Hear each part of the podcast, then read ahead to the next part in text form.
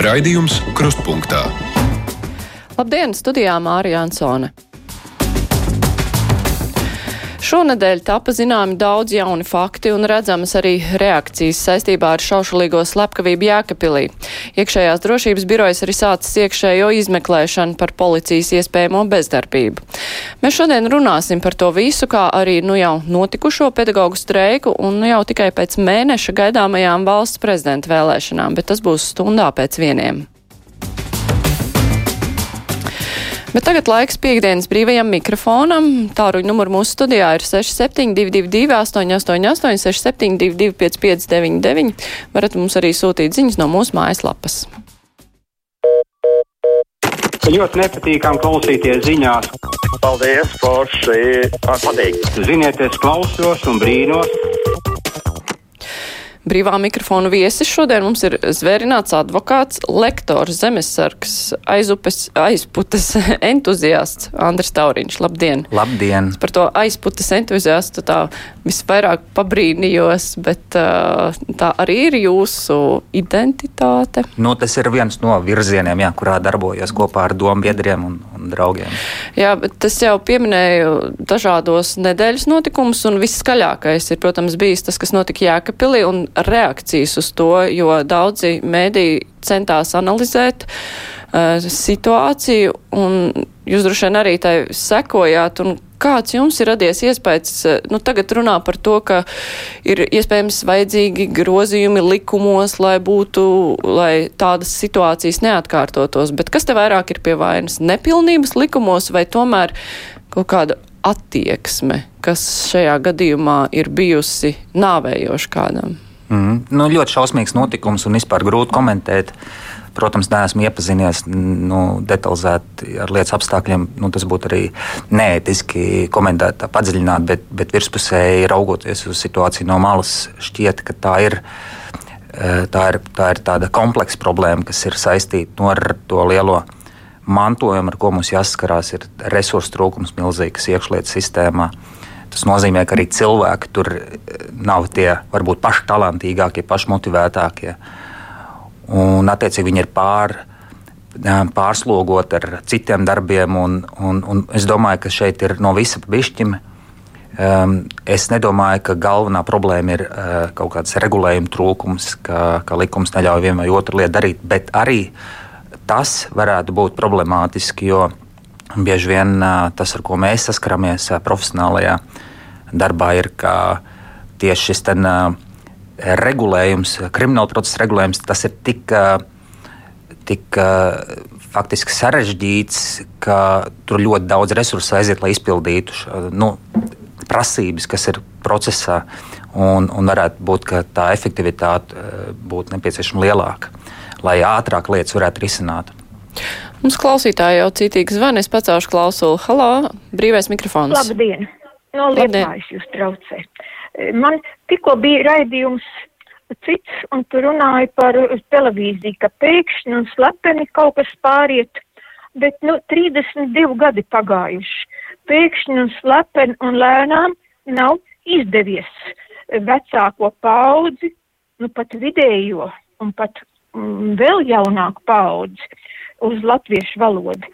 Nu, kāpēc tāds komentārs? Otrs, Kur jūs to dzirdējāt, to komentāru? Tik, tikko iepriekšējā raidījumā bija par televīziju, ka pāries mazāk būs, būs Eiropas valodās un ko to skars vecākā paudze. Jā, nu tas ir par valodas uh, lietošanu televīzijā, acīm redzot, bet es nedzirdēju šo raidījumu. Jūs nedzirdējāt, droši vien, ka nevarēsim komentēt. Nu, tas, ko es varu vienīgi komentēt, ka es arī es domāju, ka televīzijai sen vajadzēja daudz vairāk izmantot oriģinālu valodas un titrus latviešu valodā. Lai arī cilvēki dzirdētu televīziju oriģinālā valodā un mācītos svešas valodas, ja, ko izdarīja Igaunija. Un, Un, un tur tas viss notiek. Jā, un daudz citas valsts arī tā dara. Klausītājs zvana, labdien! Labdien, studijā! Labdien, dzirdam jūs! Man tāds jautājums būtu par pagājušās piekdienas raidījumu. Piezvanīja viena sieviete, ka prezidents stājoties amatā ir teicis, ka viņš būs visas tautas prezidents. Bet tagad pavisam laiki citi. Levici mainījis domas. Jo aptaujā, es skatos televizorā, 4% atbalsta karu, atbalsta Putinu. Es pilnīgi saprotu Levitu, ka viņš mainīs savas domas. Un arī Jā. tie krievi visi. Viņi jau nedomā, kas tie atbraukuši, ja? Dzīvo Latvijā. Jā, nu, par tiem krieviem visiem, bet tā, interesanti bija par eh, tas, ko kungs sākumā teica par eh, Levita solījumu būt par visas tautas prezidentu. Tas mums arī nākamajā stundā temats būs. Uh, Vai tā viņa šā brīža nepopularitāte nav saistīta ar to, ka vienkārši cilvēkiem bija pārāk lielas gaidas uz eh, to, nu kāds tad būs tas visas tautas prezidents? Jā, man, diemžēl, ar tādu nožēlu vienmēr jāatzīst, ka cilvēki gaida no viena cilvēka vairāk nekā šis cilvēks vispār var izdarīt. Un, Nekā viņam ir tiesības Nekā viņam ir izdarīt. tiesības, bet arī droši vien izpratne par to, ko dara prezidents un kas no prezidenta ir sagaidāms. Protams, ka ir kritika daudzos jautājumos prezidentam par to, ka viņam ir jāmēģina izlaipot caur politiskajiem dažādiem strāvojumiem un saņemt atbalstu no visiem. Bet, protams, ir kaut kādi jautājumi, kur cilvēki sagaida pārāk daudz no, no prezidenta. Klausītājs zvana, labdien, esat ēterā? Labdien! Labdien! Labdien! Kundze, atļaujiet man pateikt divas domas, un tās būs par traģikomēdiju, ko mēs ceturtdien klausījāmies no saimnes. Pirmkārt, komēdija bija tā, ka visi tie, kam Latvija ir pie kājas, vienā balsī aurēja, ka tikai 15% latviešu esot par mm, prezidentu Levitu.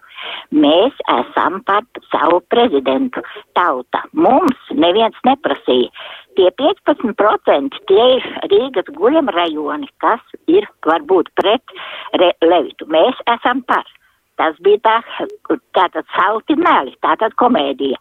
Traģēdija bija tā, ka mūsu deputāti ir tā tik nekaunīgi palikuši, tā iegrimuši savās lielajās algās un tā nolobēti, ka viņi nedzirdēja deputāta ārsta Jura Jakovina lūgumu, lai visus medicīniskos, nu, zāles, respektīvi, lai tās pazeminātu, cenas pazeminātu Igaunijas līmenī.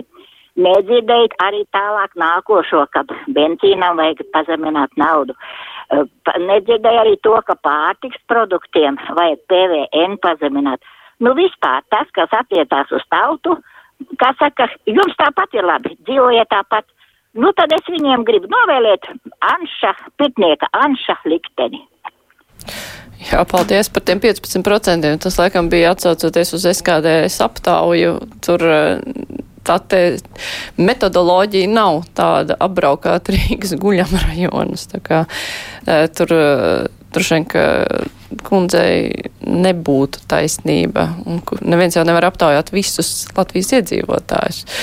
Bet par tālāko, ka deputāti nedomā par tautu, nu, Nu, atkal tas pats komentārs, kas attiecās uz iepriekš jau teikto, ka, ka ir ļoti viegli atrast uh, un vispārināt. Droši vien tas būtu, manuprāt, ļoti vispārināti teikts, ka nedomā, jo, jo nu, visas šīs prasības, ko cilvēki norāda, ka grib visu bez maksas iegūt un, un lai deputāti strādā paši bez maksas. Un, Un, un tādas ļoti utopiskas lietas, tas droši vien realitāte nav iespējams. Tur vajadzētu mazliet selektīvāk pieiet un analizēt, tad, ko katrs deputāts domā un ko tas dara. Mums klausītāji daudzi raksta par Jēkabpili. Elza raksta, trešdienas vakarā noskatījos, kas notiek Latvijā. Abrīnojama vienaldzība un trulums no atbildīgā policijas iecirkņa vadītāja un prokurāra puses, un arī tiesnesi iedomīgi uzsver, ka visi papīri taču ir kārtībā. Grišins centās visus attaisnot, no es domāju, viņam lietu pietiek, viņš noteikti arī strādā ar atbildības sajūtu, bet nevajadzēja tik ļoti censties attaisnot atbildīgās amatpersonas, kurām bija iespēja novērst noziegumu. Neviens neuzņēmās atbildību un nepateica publiski atvainošanos vārdus bērnam, kurš teikt augsts bez mātes. Skatījāties to raidījumu? Es, es, es, es, es, es lasīju komentārus, man nesanāca, bet es, eh, nu, tas jau bija paredzams, un tas ir arī redzams no citiem eh, komentāriem publiskajā telpā. Tas, kas droši vien ir eh, nožēlojami, ka šādās lielās traģēdijās, un nu, nav jau tādu um, paziņojumu no augstām amatpersonām, ka tagad ar ar, ar zināmu steigu, ir nu, pirmkārt ir jāsasauc kaut kāda atbildīgo cilvēku sanāksme, lai, lai, lai, lai risinātu, lai lemtu, kas, kas ir bijuši par problēmām šajā situācijā un kā novērst nākotnē, respektīvi dot šo ticību sabiedrībai, ka tas vairs netiks pieļauts. Un tā problēma, ka līderi, kuri ir atbildīgi par šiem jautājumiem, faktiski visu laiku no tādu aizstāvības pozīciju sāk, tas ir ļoti nepieņemami. Skaidrs, ka katrs tieši nav atbildīgs par to, bet politisku un šādu institucionālu atbildību uzņemties, ka mēs to neizdarījām, tas bija mūsu pienākums. Uh, un mēs tagad risināsim un meklēsim tos, tās problēmas, kas ir jārisina, lai tas nenotiktu vairs. Tas nav bijis, un šim skaļiem paziņojumam pēc šādām lielām traģēdijām būtu obligāti jānotiek. Nevis tādām aizstāvības un, un kaut kādu vainīgo meklēšanām. Jā, es skatījos to raidījumu. Tas vietējais policijas priekšnieks gan izskatījās, ka no tām visām amatpersonām, kā vienīgais, kurš tiešām slikti jutās par to, viņam tur daudz vārdu nedēva, bet uh, Grišinkungs gan, jā, daudz attaisnojumu atrada.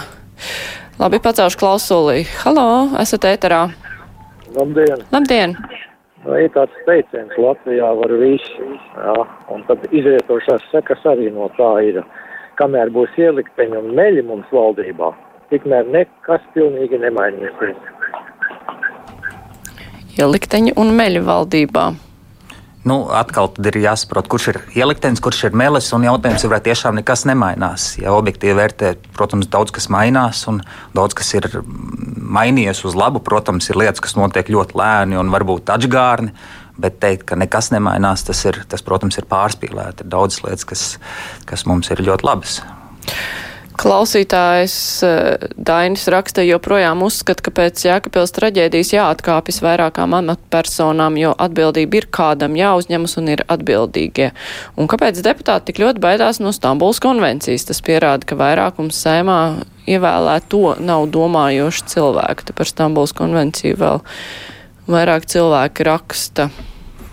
Jā, par Stambulas konvenciju, par Jēkabili. Jā. Nu, nu, par amatpersonām jau jā, nu, droši vien atbildības minēja, jā, ka mm. man mhm. šķiet, kas ir svarīgi kādam uzņemtas atbildību vismaz pateikt. Nu, eh, kas attiecas uz Stambulas konvenciju, tas ir, tas ir traģiski, ka atkal atbildīgās amatpersonas šo savu atbildību noveļ uz it kā šo ten, uh, hipotētisko sabiedrību, kuras viedokli jāsagaida ir vai jāuztver uh, amatpersonām, manuprāt, jābūt drosmīgām un pašām jānāk ar uh, savu uh, viedokli, un, un tad ir arī jāveido šī ten, valsts politika. Klausītājs Aivars savukārt raksta, neesmu iedziļinājies Stambuls konvencijā, bet ja tā būtu bijusi pieņemta, kas būtu mainījies policijas darbībā pie šīs pēdējās slepkavības? Lūdzu, izskaidrojiet. Ko maina konvencija? Nu, konvencija, nu, droši vien es neiedziļināšos ļoti lielās konvencijas detaļās, neesmu eksperts eh, tieši konkrētās konvencijas jomā. Bet, bet kā konvencijas bet tas, kon... principā darbojas? Konvencijas ja? principā nozīmē to, ka tās uzliek saistības dalību valstīm, kas ir parakstījušas, un šīs saistības politiskajā līmenī liek valstīm pieņemt eh, daudzus un dažādus uh, lēmumus, likumus un, un regulējumus un sakārtot sistēmu, lai šis konvencijas mērķis un gars tiktu piepildīts. Un konkrēti attiecībā uz Stambulas konvenciju konkrētais mērķis ir tieši novērst vardarbību ģimenē un tieši šādus gadījumus kā Stambulas konvencija. Tā kā būtu tā, gan kā, kā Jākapils gadījums. Jā. Jā. Klausītājs zvana, labdien, esat ēterā! Labdien! Labdien. Es, es bieži domāju par to, kāpēc klausītājs zvan it kā citu vārdā arī, vai ne, jo es tur nu nedzīvoju Rīgā, bet es prezidentu šī, šo prezidentu noteikti neatbalstītu. Es gribētu gados jaunāku cilvēku, jo, piemēram, 70 gados es pats jūtu, ka man spēks iet mazumā. Es skatos uz Kanādas prezidentu ar lielu sajūsmu. Man ļoti patīk tāds jauns, skaists cilvēks Latvijas prezidenta krēslā. Paldies jums! Jauns un skaists. Jā, es nezinu, kas ir svarīgāks, skaists vai jauns. Bet eh, nu, Joe Bidens šobrīd ir vecākais Amerikas prezidents, kāds jebkad ir bijis, un viņš mēģinās uh, skriet tālāk, ja viņu ievēlēs. Nu, uh, Tā kā Latvijai vēl ir kur augt. Ja es, veselība jā. atļauj, kāpēc gan ne? Jā, man šķiet, ka tas vecums droši vien nav tas pats pareizākais kriterijs, ko būtu jārunā, bet drīzāk spējas. Jā, bet uh, svarīgi ir, ka cilvēks, tā kā kundze teica, viņa pati sevi novērtē, ko viņa var, ko nevar, un svarīgi, lai cilvēki tā, tā arī rīkojās. Bet, ja prezidenta kandidāts novērtē, ka var, kāpēc gan nē? Tā, klausītājs zvana. Halo, esat ēterā? Vai dzirdat? Dzirdam gan. Es gribu izteikt milzīgu pateicību traumatoloģijas slimnīcas ārstam, doktorim Saukam, kurš manu roku 80 gadu vecu saremontēja, jo man uzkrita ledus gabals. Un māsiņa Diāna, visa tā brigāde, arī anesteziologs. Mums ir tādi ārsti, ka es tiešām esmu ārkārtīgi priecīga. Gribu lielu paldies pateikt. Un arī Stradiņas slimnīcas rehabilitācijas uh, nodaļai. Tur arī ir brīnišķīgi cilvēki. Un dakteris Sauka manu 80 gadus veco roku tā satamborēja, ka nevar redzēt nevienu šuvuma vīli. Un... Jā, paldies. Nu, ļoti jauki dzirdēt arī tā frāze satamborēja. Nu, re, nu nav tā, ka tikai sliktas lietas notiek, Jā. notiek arī labas lietas. Nu, cerams, ka doktori un māsiņas dzirdēja to. Tā klausītāji raksta, klausītāja Gunta raksta, manuprāt, par kļūdu jāuzskata partijām piešķirtais finansējums, turklāt pat tad, ja savāk tikai 2% neiekļuvušās saimas partijas, ne, nu, partijas, kuras nav iekļuvušas saimā, dzīvo cepuri kuldamas un sapņo par iekļūšanu Eiropas parlamentā. Hmm. Jā, nu nevar zināt, vai viņas eh, dzīvo cepuru kuldams. Nu, Tas ir tur pietiek naudu kaut kādām jā, administratīvām lietām. Jā, nu mērķis ir, ir, ir labs un, un vienmēr jau var arī šo, šo mērķi ļaunprātīgi izmantot. Un mērķis ir tiešām, lai šīs partijas varētu kvalitatīvi strādāt pie savām programmām un arī pētījums gatavot un nākt ar saviem priekšlikumiem. Jo tad no vienas puses mēs kritizējam, ka tur nav nekāda intelekta partijās, no otras puses mēs tagad kritizējam par to, ka viņiem tiek piešķirt līdzekļi, lai, lai šos savas programmas arī slīpētu un uzlabotu. Manuprāt, finansējums ir laba lieta. Jautājums ir par to, kā tas tiek kontrolēts, lai nenotiktu ļaunprātīga izsaimniekošana. Klausītājs zvana. Labdien, esat ēterā! Jā, pirmkārt, gribēju pateikt, ka Kanādai nav prezidenta. Kanādas galva ir Lielbritānijas karalis. Viņi varbūt domāja premjerministru. E, bet kāpēc es zvanu? Es gribēju piekrist tam zvanītājām, kurš izteica bažas, ka 4% e, no mūsu iedzīvotājiem ir par Putinu. Bet ko tad lai saka par Krievijas pilsoņiem mūsu? Viņi ir praktiski 100% par Putinu. Kad viņi gāja vēlēt mūsu valstī esošajā Krievijas vēstniecībā rindām stāvēja un viņi balsoja par tādu Putinu, kurš 14. gadā okupēja jau Krīmu un Donbasu. Tā tad visi šie pilsoņi, pat ja viņi noliek valodu eksāmenu, viņi nebūs lojāli Latvijai, ja šeit ienāks Krievijas vara. Un... Jā, es gan nebūtu tik drosmīgi sakot, ka visi simts procenti tur pirmkārt neaizgāja simts procenti, otrkārt Krievijas vēlēšana es īsti neticētu. Tur tie dati ir ļoti simtprocentīgi, bet, nu jā, nu, tas, ka tendences ir redzams, tas, nu, gan ir fakts. Jā, tas ir īpaši arī jā. tas, ka cilvēki ir izvēlējušies uh, Latvijas pilsonības vai pat nepilsonības vietā paņemt Krievijas pilsonību. Tas jau arī ir attieksmes jautājums. Tas protams. ir, jā, nu, man, man gribētos ticēt, ka, ka arī tas īpatsvars uh, mazinās un cilvēkiem acis lēnām verās vaļā. Visiem, protams, ka neatvērsies un daudz paliks putinisti un kremlisti, bet, eh, bet es domāju, ka šī, šo, šo, šī briesmīgā kara rezultātā nu, cilvēki runā un viņi varbūt arī maina savu viedokli. Un, jā, un ja kāds nemaina, tas nenozīmē, ka ar tiem, kuri iespējams mainītu, nevajag strādāt un runāt, lai viņus pārliecinātu. Klausītājs zvana, labdien! Labdien! Esat ēterā? Es gribēju, jā, es gribēju pajautāt tādu lietu. Mums te visu runā un kritizē prezidentu. Prezidentam jau nav jābūt ne skaistam, ne jaunam, bet jābūt ir gudrām. Un tā arī visiem pārējiem. Nu, ja mēs ņemam salīdzinot ar vairiņu, nu kā vairiņu atbrauc jau pēdējā, uh, laikam pēdējā laikā, kad viņi vēl bija prezidenti, atbrauc uz vienu jūrmālas ciemats. Mums, mēs tur daži cilvēki esam norobežo ar to, norobežojuši strīķi, lai mēs nekļūt, ne, nekļūt, nu, nenonāktu tuvāk pa trījiem metriem pie viņas. Tad kas tā ir pa prezidentu? Un tā es atslēdzu, bet uh, tur jau bija gana pateikts. Jā, nu striķis varbūt kādreiz ir vajadzīgs, jā, lai neiesist ar uh, neļķēm, jā, uh, politiķiem. Bet, nu, ko var komentēt? Ir, uh, ir, ir pretēji viedokļi. Citi uzskata, ka vajag būt skaistam un jaunam, un citi saka, ka nevajag būt skaistam un jaunam. Tad Mums klausītāji ir ideju atrakstījusi, gribat kolosālu jaunu prezidentu. Klausījos LR1 raidījumā piespēli interviju ar Martinu Dukuru un domāju, lūk, pēc dažiem gadiem perfekts valsts prezidenta kandidāts. Izglītība, valodas vērtības, viss ir kundzei, kura grib kaut ko jaunāku, arī droši vien patiktu. Jā, nu tas būtu ļoti ātrs prezidents. Jā. Pacelšu klausulu. Brīvais mikrofons. Hello! Labdien, Mārīte. Labdien. Es tā domāju, ka visi saka, ka Levita kungs ir, ir, runā, ir pateicis, ka viņš ir visas tautas um, prezidents, bet vai viņš nav visas tautas prezidents?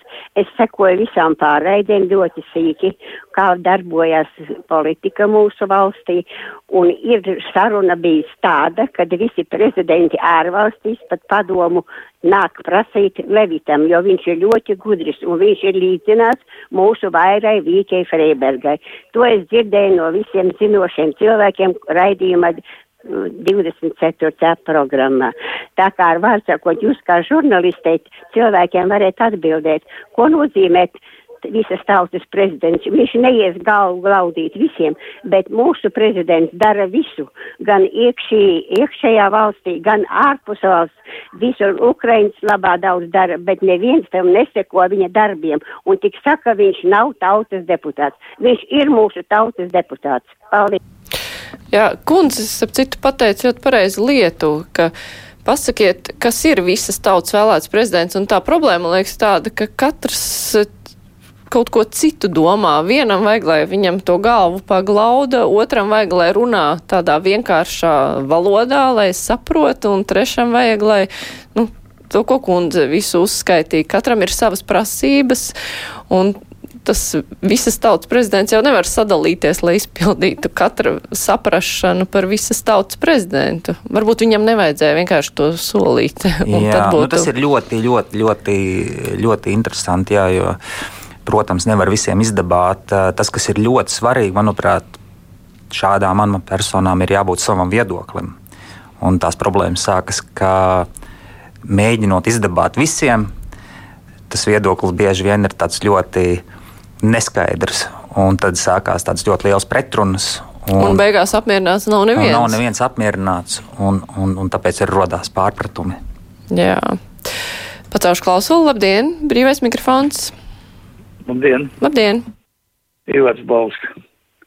Nu, ko lai saka, ja cilvēkam dievu viņš grib sodīt, viņš atņem prātu. Nu, tā Putinam tagad ir, dievs ir atņēmis prātu. Viņš tagad centīsies izraidīt no Ukrainas okupētajām un tam saucamajām ieņemtajām zemēm tos uh, Ukraiņas pavalsnieks, kas nepieņems Krievijas pilsonību. Un tad mēs esam pilnīgi atvērtām rokām, mēs esam tagad, kas nenokārtos momentāli uz zilupi un projām, bez nekādiem komentāriem, lai viņš saņem savu dievu dāvanu. Paldies! Jā, nu, tur bija divas dažādas lietas sajauktas. Gan kopā tas Putina paziņojums, ka visi, kuri okupētajās teritorijās nebūs pieņēmuši Krievijas pilsonību, ka viņus uh, metīs ārā no valsts. Nu, jo Krievija to uzskata par savu, lai gan tā ir Ukraina. Uh, Un otrs bija, ka klausītājs gribēja tos visus, kas nenokārto latviešu valodas eksāmenu, lai. Lai pārvācās. Uz zilupi, lai pārvācās. Nabaga zilupe. Nē, varbūt zilupē būs daudz varbūt cilvēku pēkšņi ļoti apdzīvot vieta. daudz ienākumu nodokļus aiziet. Jā, nu grūti komentēt. Es, es negribētu mm. komentēt Putina kaut kādus mm. murgus. Man tas šķiet uh, nepareizi. Bet, uh, tur jau turklāt bija ļoti sarežģīti tā situācija ar to, ka īstenībā cilvēkiem pat neļāva pamest okupētās teritorijas. Tā kā mm. tur vispār nav skaidrs, kā tas izpaustos. Klausītājs zvana. Labdien! Halo! Labdien! Uh, labdien! Par mm, to konvenciju gribu teikt.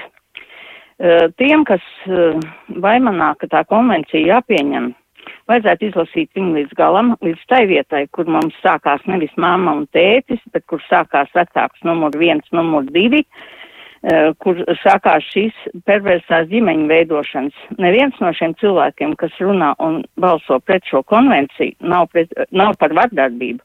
Un vardarbību ne tikai pret sievietēm, bet vardarbību vispār.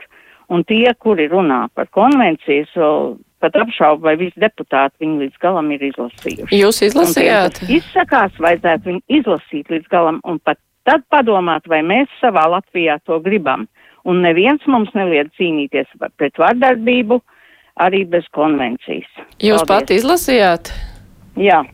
-hmm.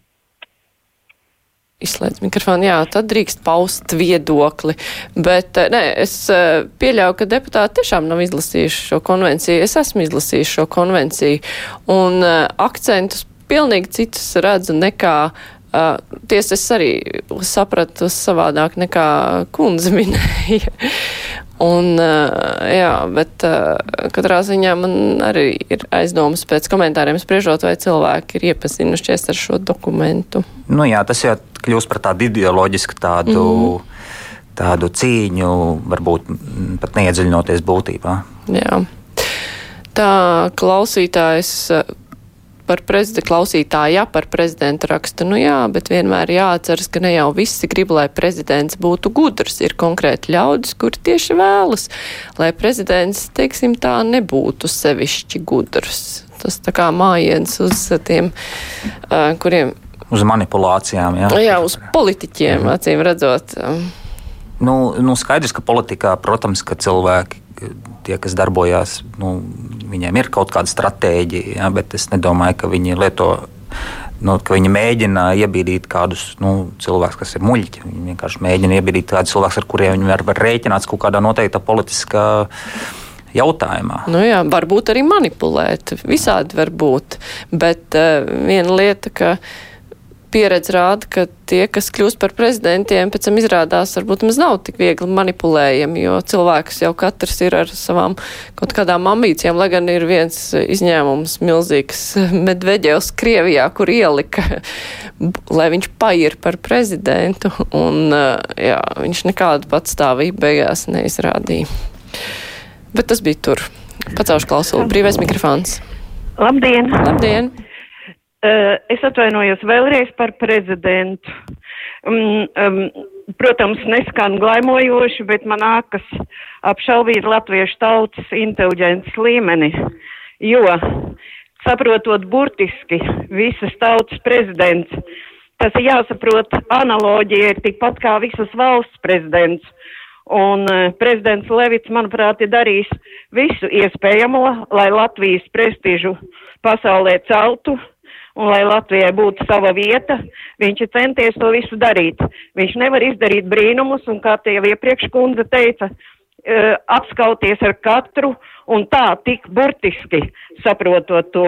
Un bez tam uh, drusciņi akmentiņš žurnālistu dārziņā, kas uh, šad un tad pasvītro, nu, nepopulārs, nepopulārs prezidents. Tā tā nav taisnība, un tas ir nepareizi tā teikt. Paldies, ka uzklausījāt. Jā, paldies. Nu, tas tie reitingi, popularitātes, tas ir atsevišķs jautājums. To ziņās var pateikt, kāda ir reitinga, tad katrs izdara secinājumus eh, par to, bet, nu, par pārējo, jā. Nu, man būtu ļoti grūti piekrist viedoklim, ka Levits, eh, ka Levits nedomā par, eh, par tautu un, un, un nedara lietas, lai būtu labāk. Manuprāt, viņš, viņš, viņš ļoti inteliģents un ļoti gudrs un spējīgs cilvēks. Jautājums ir, kā tas tiek interpretēts un, un no malas nolasīts un kas tiek izcelts. Un, ja ļoti daudz cilvēku dzīvo kaut kādā māju varā un lasa lato lapas paziņojumus, tad droši vien viņam ir izveidojies viens noteikts viedoklis, un tad viņi to arī maļ. Jā, nu, bet es savukārt nolasīšu kom komentāru, ko klausītāja anonīma ir uzrakstījusi. Paldies studijas viesim par komentāriem. Jā, un man arī ir jāsaka jums paldies, jo laika vairs nav. Paldies arī klausītājiem, kur daudz zvanīja, daudz rakstīja, visu neizlasīju. Atgādināšu šodien jurists Andris Tauriņš šodien bija ar mums kopā. Tā kā prieks, ka varējāt atnākt, bet tagad būs ziņas un pēc tam žurnālistu diskusija.